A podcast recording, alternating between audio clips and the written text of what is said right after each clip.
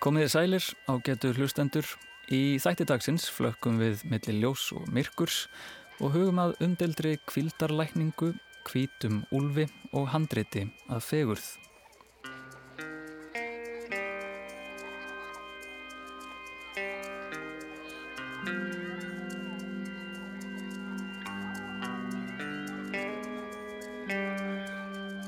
Kópernika heitir nýjútkomin skaldsaga úr smiðju Sölva Björns Sigurssonar hjá Sögur útgáfu. Bókin segir frá tilraunum Finns Kópernikusar til að hafa uppi á óhugnalegum morðingja sem nefnur líffari úr fólki. Sagan gerist í Kaupmannahöfn árið 1888, sífilis faraldurinn geysar, íslenskir strákar rausa um kúun Danaveldis og konur í borginni hittast á stórum fundum og leggja drögað baróttu fyrir auknum réttindum. Sölvið Björn kíkir í heimsókn til okkar í hljóðstofu og segir frá bókinni.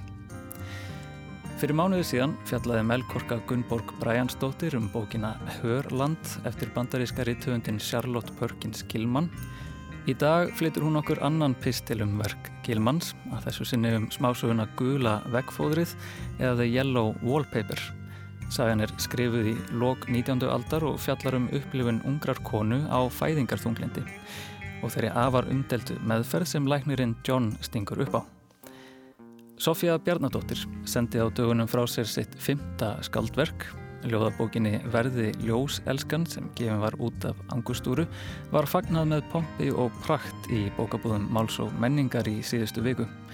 Bókin er stórt ljóðverk þar sem hveður sannlega við nýjan og spennandi tón hjá skaldinu.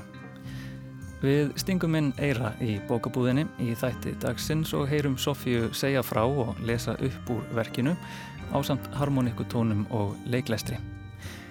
En við byrjum þáttinn í sveitinni, við byrjum þáttinn í hysteríunni. Melkorka Gunnborg Bræjansdóttir tekur nú við.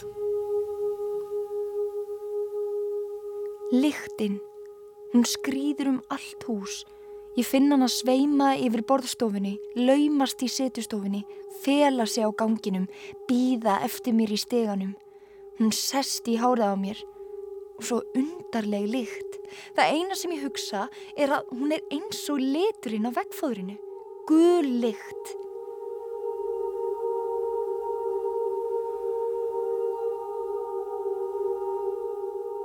Fyrir rúmum mánuði fjallaði ég um feminísku útapíuna Hörland hér í orðum bækur, verk eftir bandaríska rithöfundin Charlotte Perkins Gilman frá árinu 1915.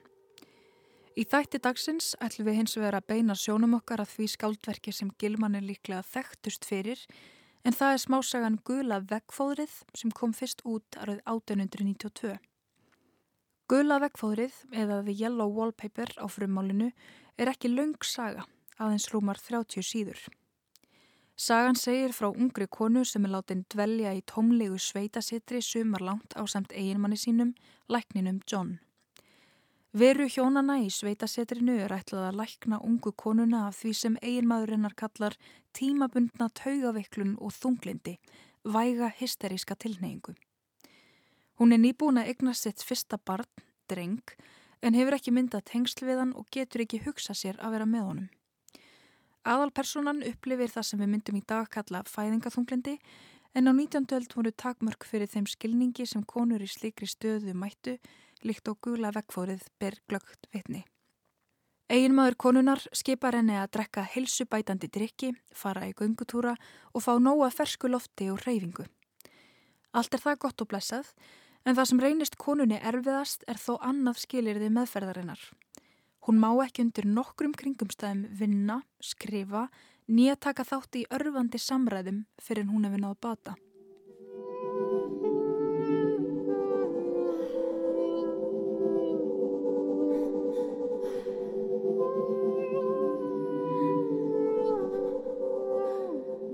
Unga konan er aðal persóna og vitundar miðjaverksins og segir frá reynslu sinni í fyrstu persónu í formi dagbókarskrifa Því til að fá einhvers konar útrás fyrir tilfinningar sínar og hugsanir fer hún að skrifa dagbók á laun. Sögumannsröttin er því personuleg og náinn. Jón hlærað mér að sjálfsöðu en það er við því að búast í hjónabandi. Hann hæðist að öllu tali um hluti sem ekki er hægt að þreyfa á eða sjá eða setja fram með tölum. John er læknir og kannski, ég myndi ekki segja það levandi sáli eða sjálfsögðu en þetta er dauður pappir og mikið léttir fyrir hugan, kannski er það ein ástæði þess að ég jafna mig ekki fyrr. Sjáðu til, hann trúir því ekki að ég sé veik. Hjónin koma sér fyrir í yfirgefnu barnaherbergi á efri hæð húsins gegn vilja konunar. Veggirnir eru þakktir tættu gulu veggfóðri sem veldur sögukonunni gríðarlegu hugarangri en smám saman verður veggfóðrið að tákrætni miðju verksins líkt og titillin gefur til kynna. Það er rifið veggfóðrið í stórum flekkum í kringum höfugablin, rúmlega eins langt og ég get teikt mig. Ég hef aldrei á æfinni séð verra veggfóður eitt af þessum útþöndu og oflaunu minstrum sem fremja allar listræna syndir.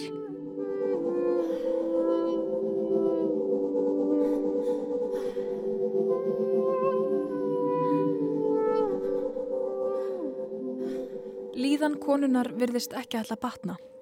Hún grátt byður eiginmann sinn að fá að heimsækja fræntfólk sitt sem hún nýtur þess að tala við en hann segir hana of veikburða til að fara, kallar hana blessaða litla gæs, heldur á henn upp í rúm og les fyrir hana þáka til hún þreytist. Personlega er ég ósamala hugmyndin þeirra. Personlega trúi ég því að ákjósanlega vinna sem hefði í för með sér tilhlökun og tilbreytingu myndi gera mér gott.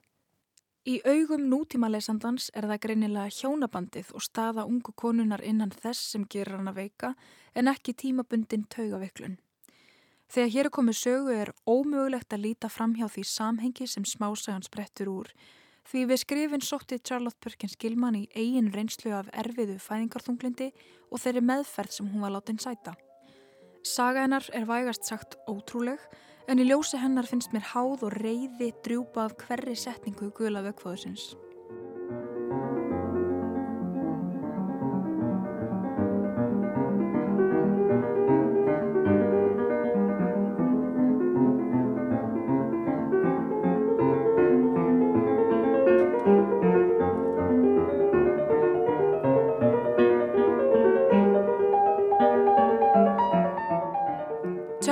Perkins Gilman fættist árið 1860 í Hartford í Connecticut. 24 ára að aldri gekk hún í hjónaband og ári síðar egnaðist hún sitt eina barn, dótturina Catherine. Móðurhlutverkið virðist hafa reynst Gilman þolraun en í sjálfsæfi sögunar kemur fram að hún hafi ekki fundið til neittnar hamingju þegar hún hjælt á dóttur sinni aðeins sásöka. Eftir að hafa glimt við þessar tilfinningar í rúm tvö ár leitað hann aðstóðar hjá sérfræðilegninum Silas Weir Mitchell. Hann sagði hann að þjást af taugaörmögnun og hugþreitu, algengri greiningu á þeim tíma og skrifaði upp á svo kallaða kvildarlækningu, umdelda meðferð sem hann var sjálfur frumkvöðlin að.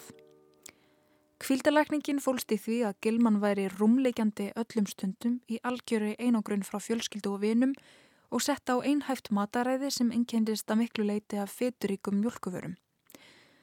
Rúmri öld síðar hryllir nútíma lesandan við lýsingunni á skilirðum kvildarleikningarinnar því Gilman mátt ekki fara úr rúminu sínu, ekki lesa, skrifa, tala, nýja mata sig sjálf. Þessa meðferð þurft hún að þóla í heilan mánuð og var síðan sendt heim með eftirfarandi leðbenningar. Livðu eins miklu heimilislífi og þú getur hafðu barniði tjá þér öllum stundum. Legðu þið í klukkutíma eftir hverja máltíð og snertu aldrei penna, pensil eða blíjant svo lengi sem þú lifir. Eftir að hafa látið á ráðgjöf Weir Mitchell reyna í nokkuð tíma var Gilman að hruni komin. Eins og hún listi því sjálf var hún svo nálegt brún algjörar andlerar glötunar að hún sá yfir mörkinn. Líkt og söguhetjan í smásögunni var hún vöna að skrýða í skápa og geimslur og undir rúm til að fela sig frá þeim þrýstingi sem meðferðin olli. Þegar hún var aðskilin eiginmanni sínum leiðinni hins vegar eins og henni var í batnað og stuttu síðar skildi hún við hann eftir þryggja ára hjónaband. Það sem bjargaði Gilman var að byrja aftur að vinna. Sjö árum eftir fæðingu Catherine byrtist hluti af afraksturinnum þegar smásangan Gula Vegfóðnið leið dagsins ljós í tímaritinu The New England Magazine. Að sjálfsögðu er alltaf vandasamt að skýra skáldverk út frá æfi höfundarins en í þessu tilfelli er það gert augljóst. Sjálf setti Gilman gula vekkfóðrið í beint samhengi við persónulega reynslu sína af kvildarlækningunni meðal annars með því að nefna læknin sinn bókstaflega á nafn í sögunni. John segir að ef ég jafna mig ekki hraðar ætla hann að senda mig til Weir Mitchell í haust. En ég vil alls ekki fara þángað. Gilman sendi mér að segja eintak af smásögunni til Weir Mitchell. Hann gegst aldrei við henni.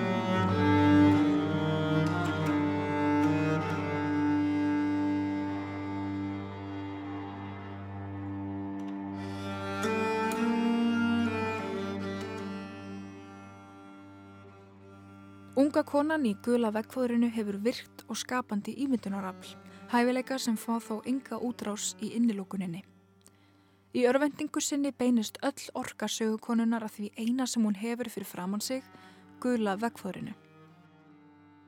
Það er nógu döfulegt til að ruggla augað þar sem það fylgir munstrinu, nógu greinilegt til að perra mann stöðugt og hvetja til nánari skoðunar og þegar þú fylgir bækluðum og óútreiknalegum sveiginum litla vegalind, fremjar skindilega sjálfsmórð, steipast niður í svíverðilegum beigjum, rústa sér í dæmalösum þversögnum. Liturinn er fráhrindandi, nánast viðbjóslegur, kræmandi óhreitt gulur, undarlega upplitaður af sólaljósinu. Smám saman verður unga konan hilluð og heldtekkin af vegförinu sem vekur ósæðandi forvitninnar. Klukkutímunum saman liggur hún í rúminu og þykist kvílast á meðan hún horfur á vekkfóðrið í leitað einhvers konar niðurstöðu. Eftir því sem líður á söguna verður vekkfóðrið að tákrætti byrtingu á innri heim og líðan konunar en í því leynast afmynduð andlit. Það er endur tekin staður þar sem munstrið lafir eins og brotin háls og tvö útstæð augur stara á þig á kvolvi upp og niður og til hliðar skrýðaðau og þessi fáránlegu óblikkandi augu eru allstæðar. Unga konan fer að sjá formlausar útlínur undir vekkfóðrinu sem smam saman taka á sig skýrari mynd. Sjögukonan sannfærist um að þetta sé kona sem skrýður og læðist hókina bak við vekkfórið á næturnar og verðist stundum hrista munstrið eins og hún vilji komast þaðan út. Sjögukonan finnur til með hóknu koninni á bak við vekkfórið og eina nóttina reynir hún að hjálpa henni að brjótast út. Í sammenningu tekst þeim að flysja stóran hluta vekkfóðursins af en í lóksögunar ákveður unga konan að læsa sig inn í barnaherberginu og frelsa konuna undan guðla vekkfóðurinu fyrir fullt og allt. Það er þá sem þeir ranna endanlega saman. Ég vil ekki einu svona horfa út um glukkana. Það eru svo margar skrýðandi konur og þær skrýða svo hratt Ég veldi því fyrir mér hvort þær hafi allar komið út úr vekkfóðurinu eins og ég gerði. Ég býst við því að ég verða að fara aftur á bakvið munstrið þegar myrkri skellur á og það er erfitt. Að lokum brítur John sér leiðin í herbergið þar sem hann mætir eiginkonu sinni nánast óþekkjanlegri, hókinni, skrýðandi ring eftir ringum herbergið. Ég komst loksins út saði ég þá, þrátt fyrir þig og Jane og ég er búin að rýfa upp mest allt vegfóðrið svo þú getur ekki þvingað mig tilbaka.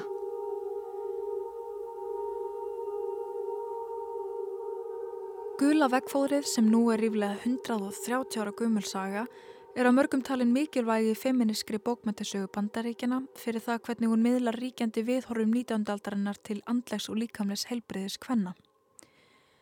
Unga konan í sögunu er naflaus og nöfn hinna persónasögunar, John, sýstur hans Jenny og þernunar Mary eru algeng og stöðluð sem gefur til kynna að þarna sé á ferðinni fulltrúar eigin kvenna, eigin manna og tengdafólks almennt. Nafnið sem sögukonan nefnir í lókbókarinnar kemur hins vegar hvergi annar starf fram í sögunni þar sem hún segir Ég komst út þrátt fyrir þig og Jane. Þessi Jane hefur fætt af sér margvíslegar tólkanir Er þetta prentvilla? Eða er Jane eftir vill sögukonan sjálf sem talar um sig í þriðu personu sem þáttakanda í eigin kúin? Endalók sögunar hafa einnig verið tólkuð á mismunandi vegu, bæði sem sigur og ósigur. Sumir telja sögukonuna ganga af vitinu á meðan öðrum finnst hún taka völdin í sínar eigin hendur. Á þversaknakendan hátt er hún mun skinsamari í brjálæði sínu en fólkiði kringum hana að minnstakosti í augum nútíma lesandans. Í gula vegfórunu sínir Gilman ótrúlegt hugrekki með því að þóra að tala heispuslest um tilfinningar móður sem á erfitt með að tengjast barninu sínu, nokkuð sem var eflist sjaldan rætt á þessum tíma og þótti til skammar. Við getum þó ekki einskorðað söguna við æfi Gilmanns sjálfrar því vissulega stendur gula vekkfóðri sem sjálfstætt listaverk. Geðveika konan á háaloftinu hefur orðið að menningarlegri klísu í aldanar ás en þá oftast í bakgrunni. Við sjáum rétt svo glitta í hryllilegan raunveruleika hinnar klikkuðu ófellíu, offsjónir lafði Macbeth og líf Bertur Rochester sem er lokuðin á háaloftinu í Jane Eyre. Það sem gefur gula vekkfórunu hins vegar sérstöðu er að hér gefur Gilman geðveiku konunni pappir og penna tækifæri til að tjá sig með eigin rött.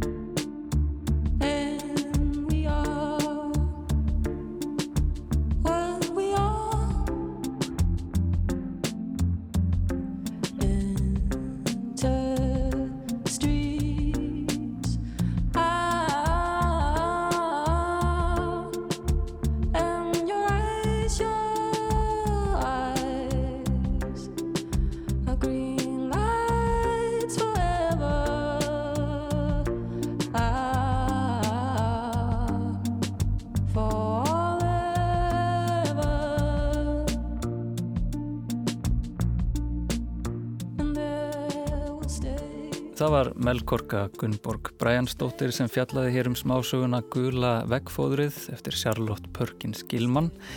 Melkorka verður aftur með okkur á nýju ári á öðrum mánudegi janúar mánadar. Lesarar í þessu einslægi voru Holmfríður Hafleðadóttir og Kristján Guðjónsson en einni heyrðu við tónlist eftir yðunni Einarsdóttur, hljómsveitina Lóli og kanadíska tónskaldið Mark Korven. Og við ætlum að dvelja í fortíðinni hér í orðumbækur Kóperníka nefnist nýjasta skáldsaga Sölvaðbjörns Sigurssonar en hann kíkti í smá spjall til okkar hér í hljóðstofu í vikunni sem við ætlum að hlýða á. En fyrst skulum við þó heyra smá tónlist beint upp úr bókinni. Jakob Jósef Orlinski flytur hér verk Antonio Vivaldi, Vedro con mio diletto. Síðan tekur Sölvaðbjörn við og les stuttan kapla úr Kóperníku.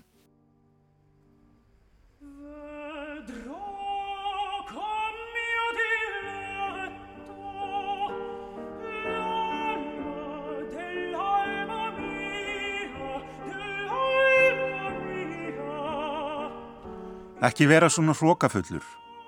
Öskraði tröllið og finnur stóttist heyra öldurnar rísa herra en þær höfðu gert áður um vilbönn bríndi röst sína. Þú verður að vera maður til að rísa upp ef þú ætlar að komast að því hvort ég sé morðingin sem þú leitar að. Þú veist að það er ég, er það ekki? Það er neðustafan sem þú komist að. Samt stendur þið hér eins og undið róð, einskis nýtur drengur og vinur þinn liggur í flótskilinu og hugsar til hvaða bræðs eigi að taka. Heldur að það skili ykkur langt. Ég drep ykkur með þessari sveðju á þremur sekundum ef með dettur það í hug. Þú væri þá búin að því, saði kjartan með hausin uppréttan í flótskilinni. Hvers vegna að halda föðuræðu yfir fórtalampi á þeirn þú tekur það að lífi. Þú ert lítill maður, Vilbjörn, sá minnsti af okkur þrem. Sama hvaða vald þér finnst búa í skrokk þínum, erstu minnstur okkar allra. Það er óþar að draga þetta langin, saði Vilbjörn. Það er best að drep ykkur bara strax. Hann stakk sveiðjunni djúft í hvið finns sem fjall aftur fyrir sig. Kjartan reys hann nýju upp úr björgunarbátnum og horfiði á blóðið forsa út úr maga vinarsins. Hann stökk upp úr árabátnum en var snúið niður á Vilbjörn sem batt saman hendur hans og strengdi dúk fyrir mun. Þannig tók Vilpun þó upp á aukslunum, drengina af gardi og gekk með þá niður í lúkar.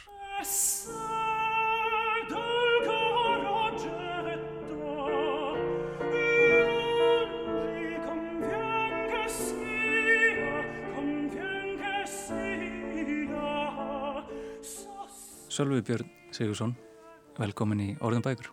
Já, takk kjærlega fyrir bara að bjóða mér og uh, ég fæ að byrja kannski á stóru spurningunni. Ertu til ég að segja mér og leysandum um hvað bókin Kóperninga fjallar um? Í, hún fjallar nú um eitt og annað en svona megin stefið er, er uh, morðalda sem gengur yfir Kaupmannahöfn undir lok 19. aldar og uh, fyrir vikið þá er svolítið ríkt og stórt personugalleri í bókinni og finnur Kopernikus sem er aðalsögu hetja bókarinnar, hann fær það verkefni hendur að uh, þurfa að komast að því hver drap besta vinnans og hann er uh, ungleiknir á konunglega spítalanum eins og hann er kallaður í bókinni og er svona, honum er hálfvegis vikið frá störfum til að sinna þessu verkefni af því að yfirleiknirinn vill ekki fá laurugluna í málið. Þetta verði að leysast innan hús og uh, svo er þetta svona sagafinns í gegnum uh, all marga fundi við ímsar personur mm. þannig til að niðurst að fæst svo að lókum Þetta er stór heimur og við erum á sögulegum slóðum. Já. Og uh, þetta verk uh, fylgir kannski svolítið thematist uh, skaldsöguðinni Selta sem kom út fyrir tveimur árum og hlaut Íslensku bókmyndaverlinin þetta er, þetta er lækna nemi en þar var það eldri læknir í aðalhlutverki. Já, alltaf þessi ekki haft í, í 50 ára aldursmunur á því. Þessi er að í nýju bókinu hann er að hérna, detta í þrítugt en henn var svona um sjötugt, jú 40 ár á milli. Orðið svolítið kæru laus kannski líka í seltu? E, Já, eða svona hann kannski stóð meir á samum lífið því að það var minna eftir af því. En, uh, en það er nú þarna einn uh, eldri læknir, hann Andersen í, í, í Koperningu Já. sem er svona nokkuð sérvitur maður en, uh, en báðar bækur eru kannski á svona sviði læknavísinda 19. aldar Hva, hvaðan sprettur sá áhugi? Mm, það er nú það Ég held nú reyndar sko fyrirlestur hjá læknafélaginu eintíðan í haust og varð þar á að segja að, að, hérna, að það væri snerti flötur á milli starfs uh, læknisins og, og rítuðundarins þó að læknirinn að sjálfsögðu gerir meira fyrir okkur með því að komi vekk fyrir döðan uh, rítuðundurinn reynir kannski að bæta lífið með einhverjum hætti. Og kannski er þetta bara áhugi á, á svona þessum fræðum og, og hafa ekki farið í læknisfræði og, og hérna setið, setið upp með starri rítuðundarins í staðin mm. já og svo hefur bara dóttið stundum í gegnum tíðina í svona guðum læknablöð og, og hef áhuga á svona gömlum textum og slíku en á móti þá vildi ég að þessi bók erði nú ekki einhver fortfræði heldur svona svolítið samtímaleg Já. og ég er svona að hérna allavega hafa mig til um að uh, takast á það samanlega og í sjálf sér held ég að bæði sögu þráður þessara bókar nýju Koperníku hún, hann gæti allt eins verið um viðburðið okkar í dag Já, það er, er mikil mennska í henni og við erum þannig að mitt að uh, þvælast um stræti kaupmannahafnar mm -hmm. og lýsir henni á mjög uh, fallegan hátt en mjög myrkan hátt vissulega það er þannig að allur skíturinn og, og lýsislampanir og Já. íslensku kvölunum á sínu stað og fáum að fara inn á uh, réttindafundi og uh, líka sjá svona sjálfstæðis ölæði ungra stráka í, í Kaupmannhafn og, og svona lengtin á bókinni leiður mann alveg að sökka sér einhvern veginn óniðan hann heim og, en, en svona hvernig hvernig fer rannsóknarvinnan fram? Erstu alveg á kafi í, í bókum? Í, ég auðvitað les maður sér eitthvað til og það tekur kannski átt meiri tíma að skrifa svona bók heldur en að senda uh, hjarta á Facebook eins og vant samfélagsmeila barn mm. uh, ég daldi tvo mánu í Jónsúsi í fyrra og ákvaði að nýta þann tíma nú svona fyrst og fremst bara til að kynna sporginni og gangana sér lengst á enda og svo með einhverjar enda, einhver sagfræðiritt í fartískinu og svo tóku vetturum við og þá, þá hófust reittstörf. Um, það er mikið um líffæri og, og krupningar í þessari bók Já. og þú nefnir hann að á blaðsjónum Mari Wollstonecraft og uh, á öðrum tímabúndi kemur Sherlock Holmes uh, bók mhm. fyrir mm -hmm. innan verksins. Er þetta svona helstu áhrifavaldar sögunar kannski? Já, þetta er, já, já, og svo Stevenson og Poe og svona þessi svona myrka stemning kannski upphafs spennusagna bókmenta mm. þegar þær voru fæðingu. Selli skrifaði held í Frankistæðin svona 1830, 2030 og svo kom Conan Doyle þarna um, um 1890 held að fyrsta bókin hans kom út 1886 eða um það leiti og uh, hún var gefin út í svona það sem kallaðist neðanmálsbókmentir þetta var það saman Dickensgerði og, og Dostoyevski að þeir fengur svona dálk neðist í dagblæði til að fá að byrta litlu sögurnar sínar mm.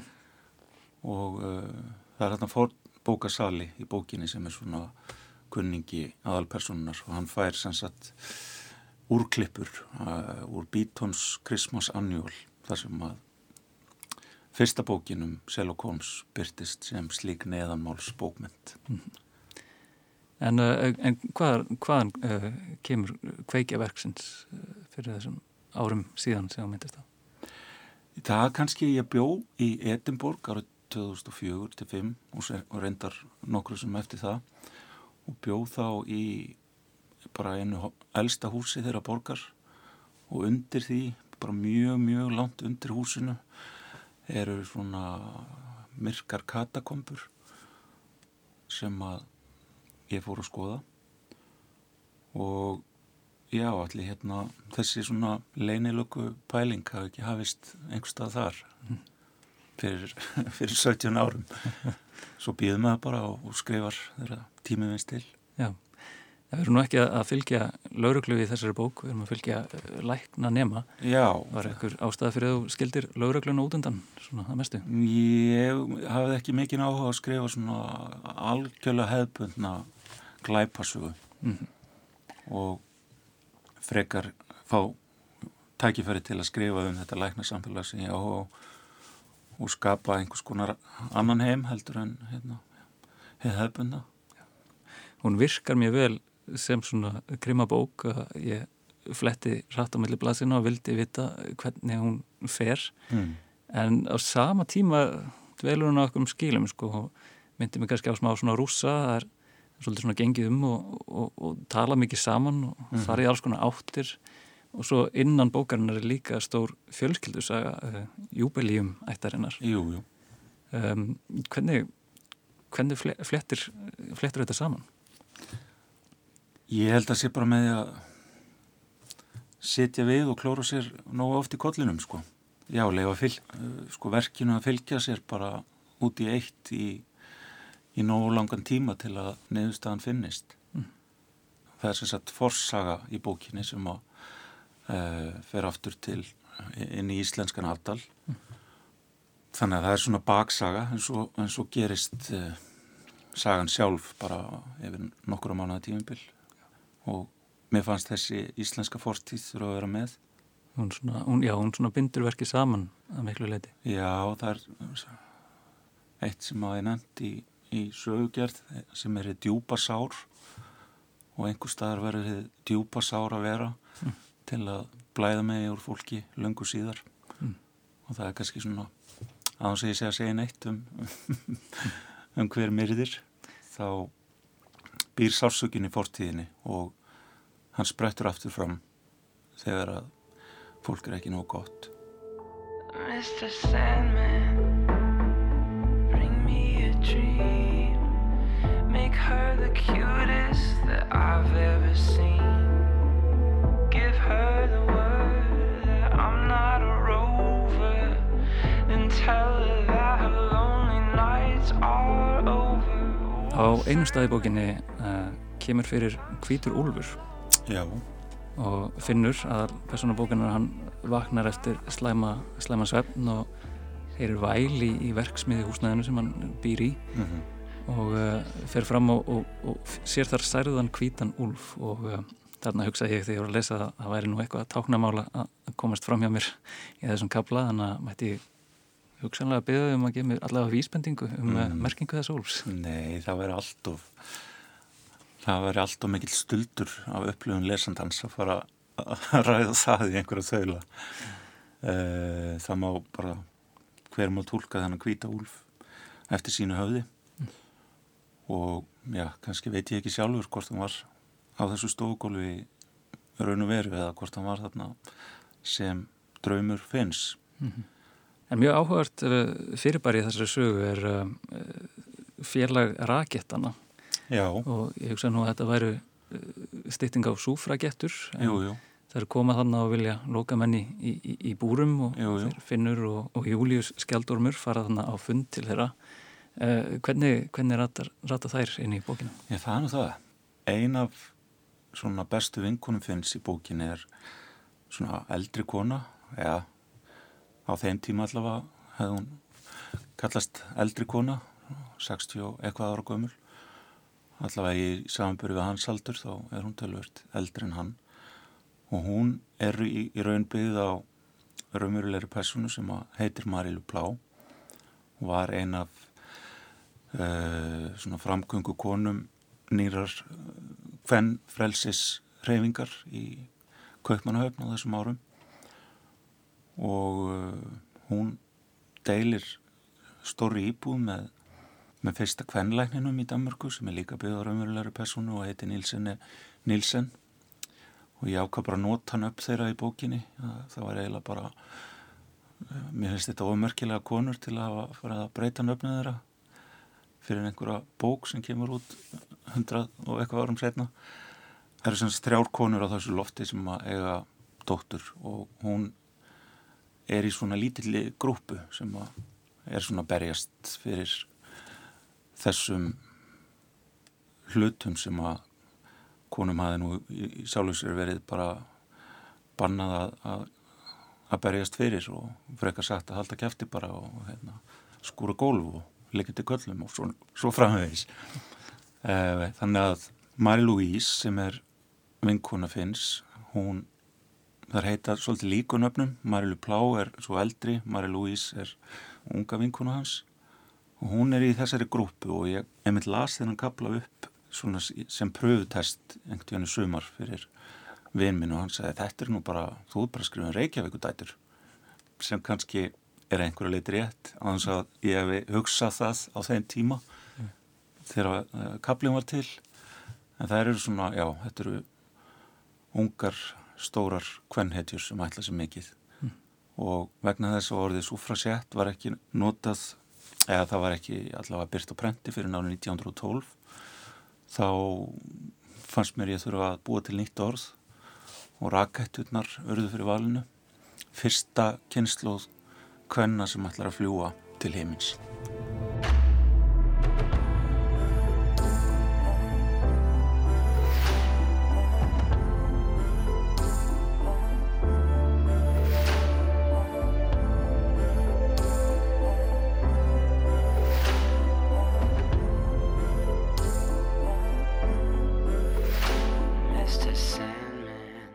baráttan, uh, já, fyrir réttindum hvenna er kannski ekki það sem að svona, talar mest við nútíman í þessari bók, það er þarna Karlmaður sem er kannski svona speiklast svolítið í mörgum Karlmannum nútímans sérstaklega í, í, í kjálfar MeToo-byltingarinnar, hann Benedikt Júbe Líum Já, hann er svona ekki góð þannig.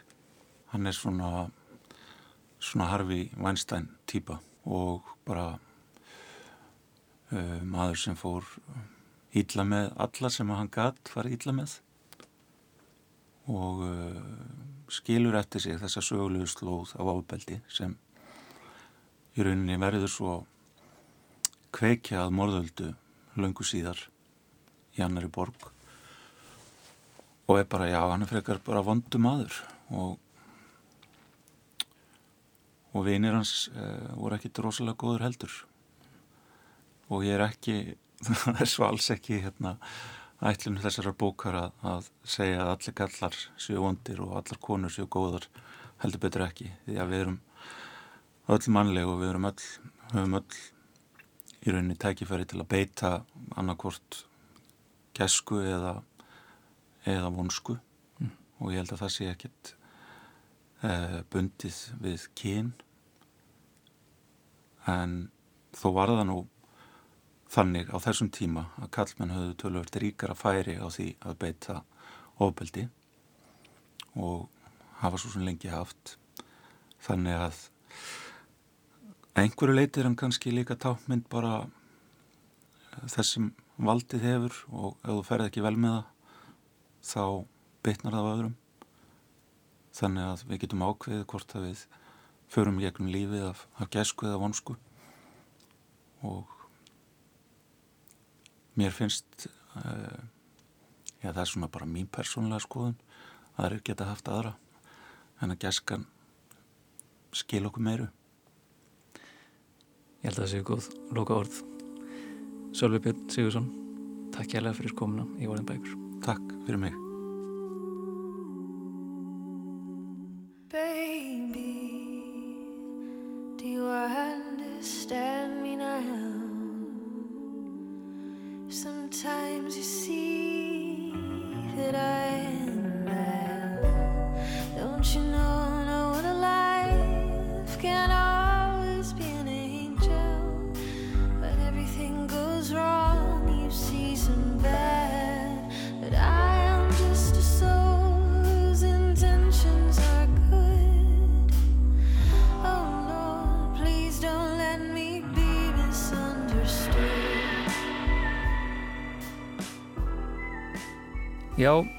valið stendur eilíft millir gæsku og vonsku.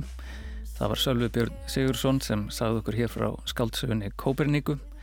Tónlistakonan Elisa Sjadat fylgdi okkur þarna út með læginu Don't Let Me Be Misunderstood en Sölvi sagði mér að þetta lag hefði fyllt skrifum þessarar bókar náið.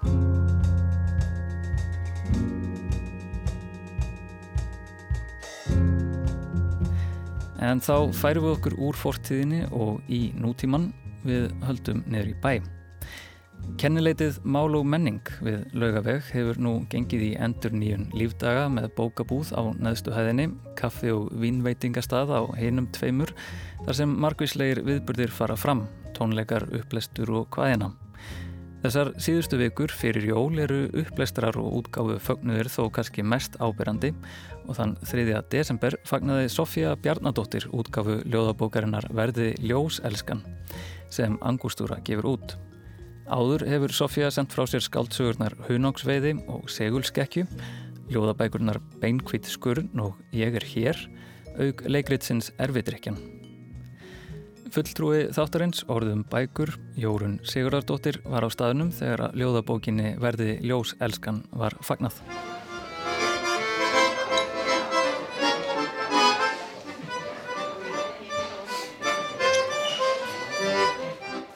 Þeir voru segðandi harmonikutónarnir sem bóðuðu útgáfugleiði þriðju ljóðabókar Sofju Bjarnadóttur í bókabúð Máls og menningar 3. desember síðastliðum.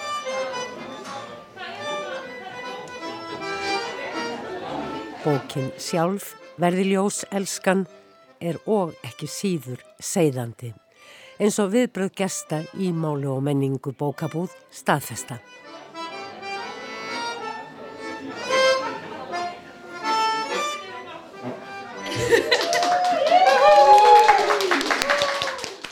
Gott að sjá okkur og takk fyrir að koma.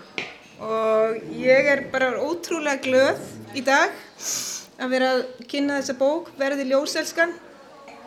Hún er mér mjög kær, eins og all mín börn. Ég ætla að lesa, við langarum fyrst ekki á, þakka útgefandunum Angústúru, sem er Agla og Marja og líka hönnuðinum sem gerði þessa fallega bók, þessa, þessa kápu. Hún, það er Stúdjó Stúdjó, Birna og Arnar og svo er myndlistaverk inn í, inn í bókinni eftir Mörtu Marju og ég þakka þeim öllum fyrir. Svo langar mér bara að þakka eðri mætti líka og, og sólinni og hafinu og já, skálskapnum öllum bara. E, ég ætla að lesa smá og svo ætla leikonurnar mínar að lesa svona meiri samtölur bókinni. Ekki kannski beint leik þátt en svona samtölinn sko sem eru nokkuð brot. Ég ætla að byrja á lokaljóðinu sem heitir að gefa. Að fyrirgefa er eitt það fallegasta sem þú getur gefið sjálfrið þér, mannkinni og mósabreiðum. Þú þenur taugar, þeir, kúast, grætur, drekkur, dormar, Syngur sefar, sárið, sefur, fer með sálina í sjóin, rýfur úr þér hráblöyt innibli. Blessar, kissir, klappar, leggur lungu, límir hjarta, aftur á sinn stað í hólfið, byður um hugrekki, býður, meðan mósinn brennur, kyrjar möndru, fyrir gef, gef, fyrir gef, gef, fyrir gef, gef, og þú gefur, gefur mildi, gefur eftir, opnar lófa, sveipar þig slæðu úr ljósi, finnur friðin færast hægt yfir svart hraunið. Þetta var lokaljóðið. Og ég ætla að færa mig svo framar aðeins í bókina og lesa hér ljóð sem heitir Eina leiðin. Þegar prins var settur á fónin vissi ég hvað klukkan sló. Ég sé hann á sviðinu horfa út í salin og af staðferstu og átakanlegri ástríðu syngur hann eins og veiði maður og bráði senn. Do you want him or do you want me? Cause I want you, cause I want you. Síðan fellur hann í gólfið og hristir sem flogaveik manneskja. Prins fær mig til að hugsa um sviðsetningu ástarinnar. Hvernig ástinn dulbýr sig. Stundum er það eina leiðin, að dulbúast. Að falla í yfirlið, að högva af sér handleg, skera úr sér annað augað, renna sér í splitt kínósa og háaliðum skóm og drukna í eigin dögg. Leifa tjöldunum að falla af þunga dumbrauðum fyrir framann tjaldið syngur einegður hrapp, óð til föðurlandsins. Við viljum brenna upp af ást eigðast en fyrst þurfum við að taka utan af appelsínu. Sóp upp hár á baðherbyggiskólfinu sem hefur losnað árenslu laust frá rót. Við þurfum að draga andan inn áður en við getum mistan fyrirvara laust í gólfið. Svo er ég að hugsa um að lesa kannski brot úr svona lengri bálki sem heitir Leindamál ástarinnar. Byrja einhver staðar í honum miðjum. Hvað skulum við segja? Tvö. Leindamál ástarinnar tvö. Ég spurði þig um leindamál fræðarinnar Þú spurði mig um sexið og sársaukan, um skálskapin og ég svaraði lágum rómi. Skálskapur er ekki teksti, ekki tungumál, ekki lýsing á leindadómi heimsins. Hann er skilningavitt, spádómur klám, leikfangalest, sársauki annara, appelsína, sítrónutré, söknuður Nýfur, bein, trommuleikur, trú. Svo er ég að hugsa um, áður en ég hleypi öðrum að, að lesa hér, hvað ég að velja úr þessu, allir saman. Sólinn kemur upp í austri. Stuttur síðar var ég á gangi snemma morguns í borginni og staðnæmdist að hotni brekkustíks og öldugötur ég fann áþreifanlega fyrir því að einhver starði á mig út úr ágengu myrkrinu. Ég leitt við og horfið beint í augu hreindýrs. Ég tók lýsandi glirnuna tal í myrkrinu og spurði hvaðan ber þig að? Að austan var svarað mjúglega og úr augunum settlaði vatn. Ég strauk reyndirshornin varlega í kveðjurskinni og hjælt áfram upp öldugötuna, begði fram hjá gamla bókaforleginu yðunni inn Bræðraborgarstígin. Þaðan lág fegursta leiðin með spænskar appelsínur í póka, hvita galdrafjöður frá dauðum svan í hárinu og heilu tár, suður að höfn. Takk fyrir.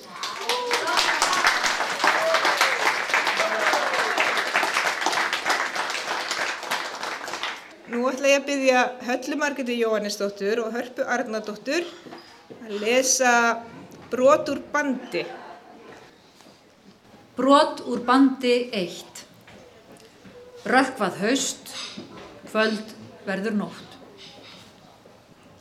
Ég elska þig eins og könguló.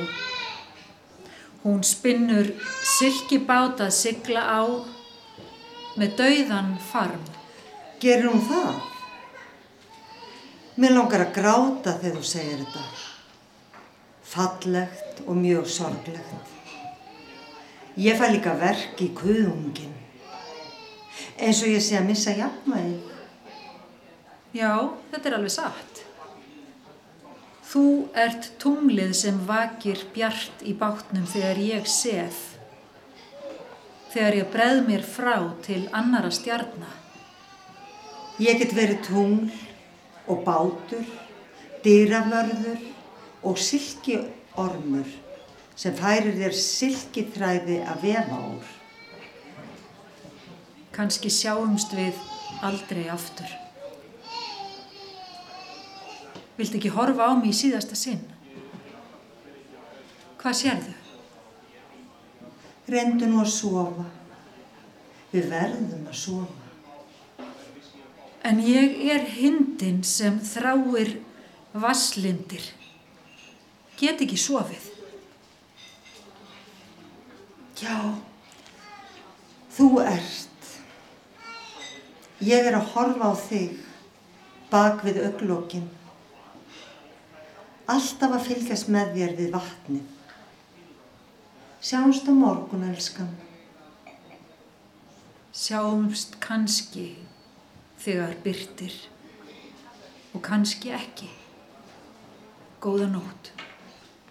Já, þegar byrtir hjarta mitt. Brot úr bandi, þrjú. Þú verður að vera hjá mér. Ég ætla ekki að horfa á Pasolini einn. Ég er alltaf hjá þér. Alltaf. Já, satt. Við skellum þá skáldinu í tækið setna. Já, Ástinn. Kanski þegar við vöknum eða á ammælinu. Kíkjum aftur á vídeoleguna. Hann dó sama ár og ég fættist, vissuru það? Og reyndar Franko líka. Dauða fasistans var fagnað víða. Eins og lirfurnar í gardinum fögnuðu dauða fugglunni mínum í langan tíma. Fugglin var engin fasisti, en dauði hans gaf yðandi líf. Þegar ég hugsaða núna, þá gætu mávar verið fasísk tegund, eins og gargandi sársauki sem lætur þig ekki friði. Er glukkin lokaður? Mér er svo heitt. Ég er í söðli breytinga. Þú líka. Ertu nokkuð sopnaður? Nei, nei. Ég bara kvíla augun. Var ég búin að segja þér hvað ég elska eigahafið og líka þig? Ertu sopnaður? Segðu mér það aftur. Það eru bara augun sem sofa, ekki ég. Já, ég skal segja þér það aftur. Ég elska eigahafið og þig eins og egg mín í draumi. Bráðum syndum við þar. Mm. Handan við myrkrið, bak við auglókin þín. Þar er ljósið. Þar er ég. Takk fyrir.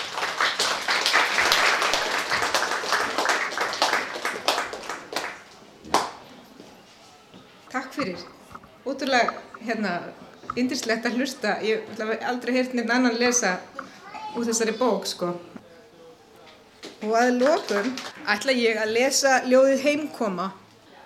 Það getur verið mikilvægt að villast af leið. Þefa uppi þykkan reik frá varðeldi í djúbu öskurjóðri. Sopna þar þyrnirós, villiköttur, draumur djást neða berjafullur fuggl á skóargrein, úlfur, úlfur, til að vakna upp af ástriðu til alls sem er og skinja að ekkert er jafn mikilvægt og sá munaður að tilheyra ljósinu, elskan. Takk fyrir.